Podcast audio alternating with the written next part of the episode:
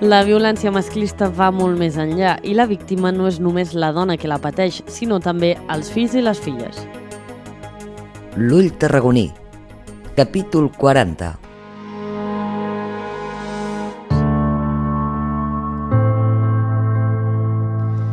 Ta Germà és tècnica responsable del Servei d'Informació i Atenció a les Dones de l'Ajuntament de Tarragona. Laura Guixens i Àurea Sugranyes són la directora i l'educadora social infantil juvenil del Servei d'Intervenció Especialitzada de Tarragona, que té el Departament d'Igualtat i Feminismes de la Generalitat.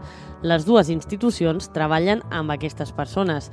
Tai Germà i Laura Guixens expliquen les característiques de tot plegat. Òbviament, presència en les situacions i són persones que, que, que directament estan afectades, sí, sí. Els fills i filles que han, que han viscut no? amb aquesta eh, relació no? de convivència amb un pare maltractador també són víctimes directes, sempre, no? que es parla de, de violència indirecta no? agressions indirectes. Aquí considerem al CIE que les, els fills i filles, els menors, que viuen a, en un context de violent també són víctimes. Una situació de violència masclista afecta de ple als infants, que ho veuen o fins i tot ho pateixen, i també poden arribar a ser els primers a fer veure que algun problema hi ha, així com diu Germà i Aurea Sugranyes. Sí, no? arriben uh, no, casos no? Uh, que els nens ho han pogut manifestar a l'escola, al metge, a altres serveis, no? com pot ser uh, un CESMIG, no? el Servei de Salut Infanto-Juvenil, i que, bueno, i que llavors arriben al, al nostre servei. Eh, és, és possible, eh, perquè clar, no només o sigui, dintre del sistema no només tenim els serveis socials, també tenim les escoles, que també són agents de, de detecció, també tenim l'àrea de, bueno, els, els CAPs, l'àrea de salut, hospitals, també tenim eh, Guàrdia Urbana Mossos d'Esquadra, no? que quan hi ha alguna actuació a nivell de, de comunitat veïnal, que emeten una denúncia en el qual potser es troben en una situació, doncs els hi arriba i actuen, d'aquí es pot obrir també, pot haver una obertura d'expedient de, de risc, de risc s'hauria de valorar la situació. Sí, sí, és que hi ha diferents agents que, que tenen ulls no? amb, amb la infància. Tot i això, la societat en general no és tan conscient d'aquestes víctimes de violència masclista i costa encara de veure-ho així. amb els infants, bueno, sempre s'ha de valorar primer amb la mare, uh, si es pot atendre o no es pot atendre aquest infant.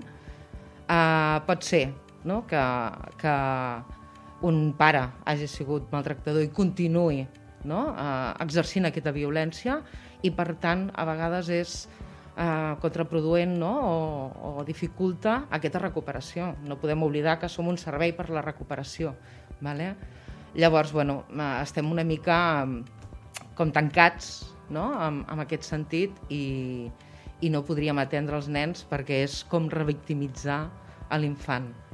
En altres ocasions se'ls hi dona no, aquest espai per, bueno, mm, perquè no, bueno, estan apartats de la situació de violència i llavors podem fer aquest treball terapèutic amb, amb la companya que és la psicòloga infantojuvenil i amb mi mateixa, eh, educadora social infantojuvenil, i eh, fem un treball conjunt amb la mare i amb l'infant. Les actuacions que porten a terme són diverses, però s'han de diferenciar les situacions que viu cada víctima. Bueno, sempre hi ha mm, les dificultats en... Bueno, o hi ha dificultats o reticències a escoltar no? aquests nens i nenes que han estat eh, vivint una situació de violència per part del seu pare o per part de la parella, no? de la nova parella de la mare, i que bueno, mm, no se'ls dona credibilitat, no? en aquest cas, que, bueno, pel que sigui, no? perquè poden haver estat manipulats per la mare, no? es fa aquest, aquest discurs, no? s'entra en aquest discurs.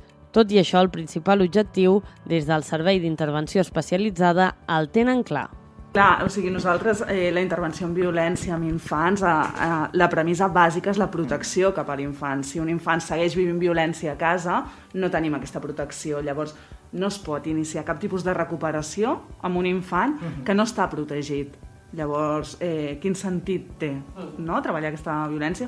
En els casos en què, com deies, estem en convivència encara, hi ha una violència activa, es valora sempre el risc que hi ha, la intensitat i la freqüència d'aquesta violència, com és, com evoluciona la violència, per de, treballem en xarxa, hem de determinar quins serveis no? poden intervenir o no en, en aquests casos, i, i això no vol dir que no treballem la marentalitat i com, com us pot explicar l'Àurea, no? es treballa paral·lelament amb la mare tota aquesta consciència no, del patiment dels nens i del risc que pot estar els, els nens a casa i també com a dona la consciència d'estem en una relació de violència i hem de prendre una decisió per protegir els infants. Si aquesta protecció no s'arriba a donar, s'han de buscar mecanismes per protegir els menors perquè al final els menors no tenen una veu pròpia que, no? que els hi permeti.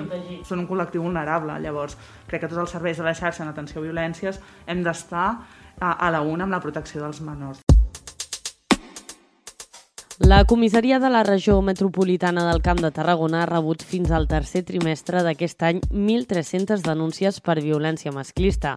Alguna d'aquestes persones, òbviament, tenia fills o filles, que també són víctimes, com indica Montse García Biosca, responsable de l'àrea de polítiques d'igualtat de l'Ajuntament de Tarragona.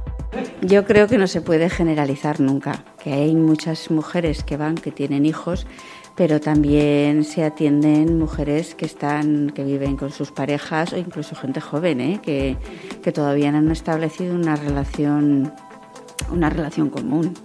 El problema, com diuen Àurea Sugranyes i Laura Guixens, no és només que puguin rebre algun tipus de maltractament, és que també molts cops se'ls utilitza per exercir aquesta violència. Els casos que s'han vist són molts, per exemple, les nenes de Canàries o un nen fa una setmana a Barcelona a, a partir de la, la modificació de la llei no, del 17-2020 es va ampliar les violències i aquí entrem amb la a violència vicària, que s'anomena, no? que és la instrument, instrumentalització dels infants per fer dany a les mares, en aquest cas. I sí, i hi ha casos, clar, llavors hem de protegir no? a, els infants, però dins d'aquest bueno, d'aquesta injustícia, no? No, encara no hi ha un... que no es tipifica no? com, a, com a delicte, tampoc, no? Tenim, tenim el títol, tenim el nom, però a, a la pràctica hi ha moltes dificultats per poder mm, dir que aquests nens no, són víctimes de violència vicària. No hi ha un delicte no, com a és... tal. O sigui, tu pots eh, denunciar que hi ha una violència cap als teus fills, no? que, hi ha, que hi ha hagut una agressió als nens, mm, però no hi ha un delicte com a tal de violència vicària. Llavors sí que és necessari poder mm. regular-ho. I el cas que has posat de les nenes de Canàries, de l'Olivia i l'Anna, o del nen de Barcelona mm. fa relativament poc, també, el Leo, em sembla que es deia, no? que el seu pare també el va assassinar eh, i després es va suïcidar ell eh, són dos exemples de la violència vicària més extrema, sí. però fins a arribar aquí és com la mm. violència de la parella. Abans de la primera bufetada hi ha hagut tota una sèrie de violències que et permeten arribar en aquest punt, no? Llavors, eh, abans d'arribar a l'assassinat, hi ha totes aquestes violències que s'exerceixen cap als nens durant moltes vegades els règims de visites o un cop ja s'ha produït aquesta separació on l'agressor no pot seguir exercint violència cap a la dona, ho fa a través dels nens, no?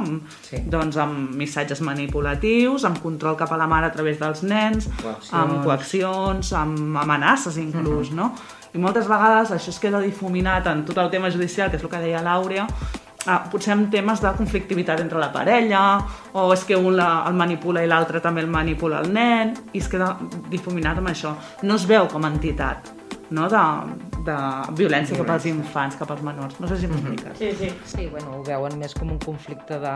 Bueno, se sent molt, no? Conflicte de lleialtats, que diuen, no? En què el menor pues, està al mig entre una parella, no? uns progenitors, que han tingut un conflicte. Llavors, ho tipifiquen com a tal i no com a violència.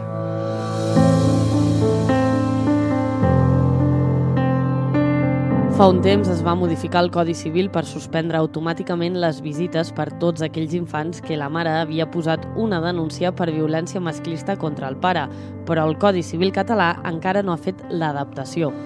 Um, el problema que tenim aquí és que a nivell autonòmic tenim un Codi Civil català propi que no ha fet aquesta adaptació. Llavors, eh, estem en un moment d'impàs, eh? Hi ha jutjats que ho accepten i que ho apliquen de manera automàtica i n'hi ha d'altres que no, no. Llavors, sí que és cert que la tendència és aquesta, no? Igual que es va fer l'adaptació per poder atendre els nens que estan en processos, que els pares estan en processos penals per violència de gènere, um, la tendència segurament serà que s'adapti també el Codi Civil català per poder demanar la suspensió automàtica del règim de visites com a mesura cautelar fins que es resolgui el tema eh, penal de violència.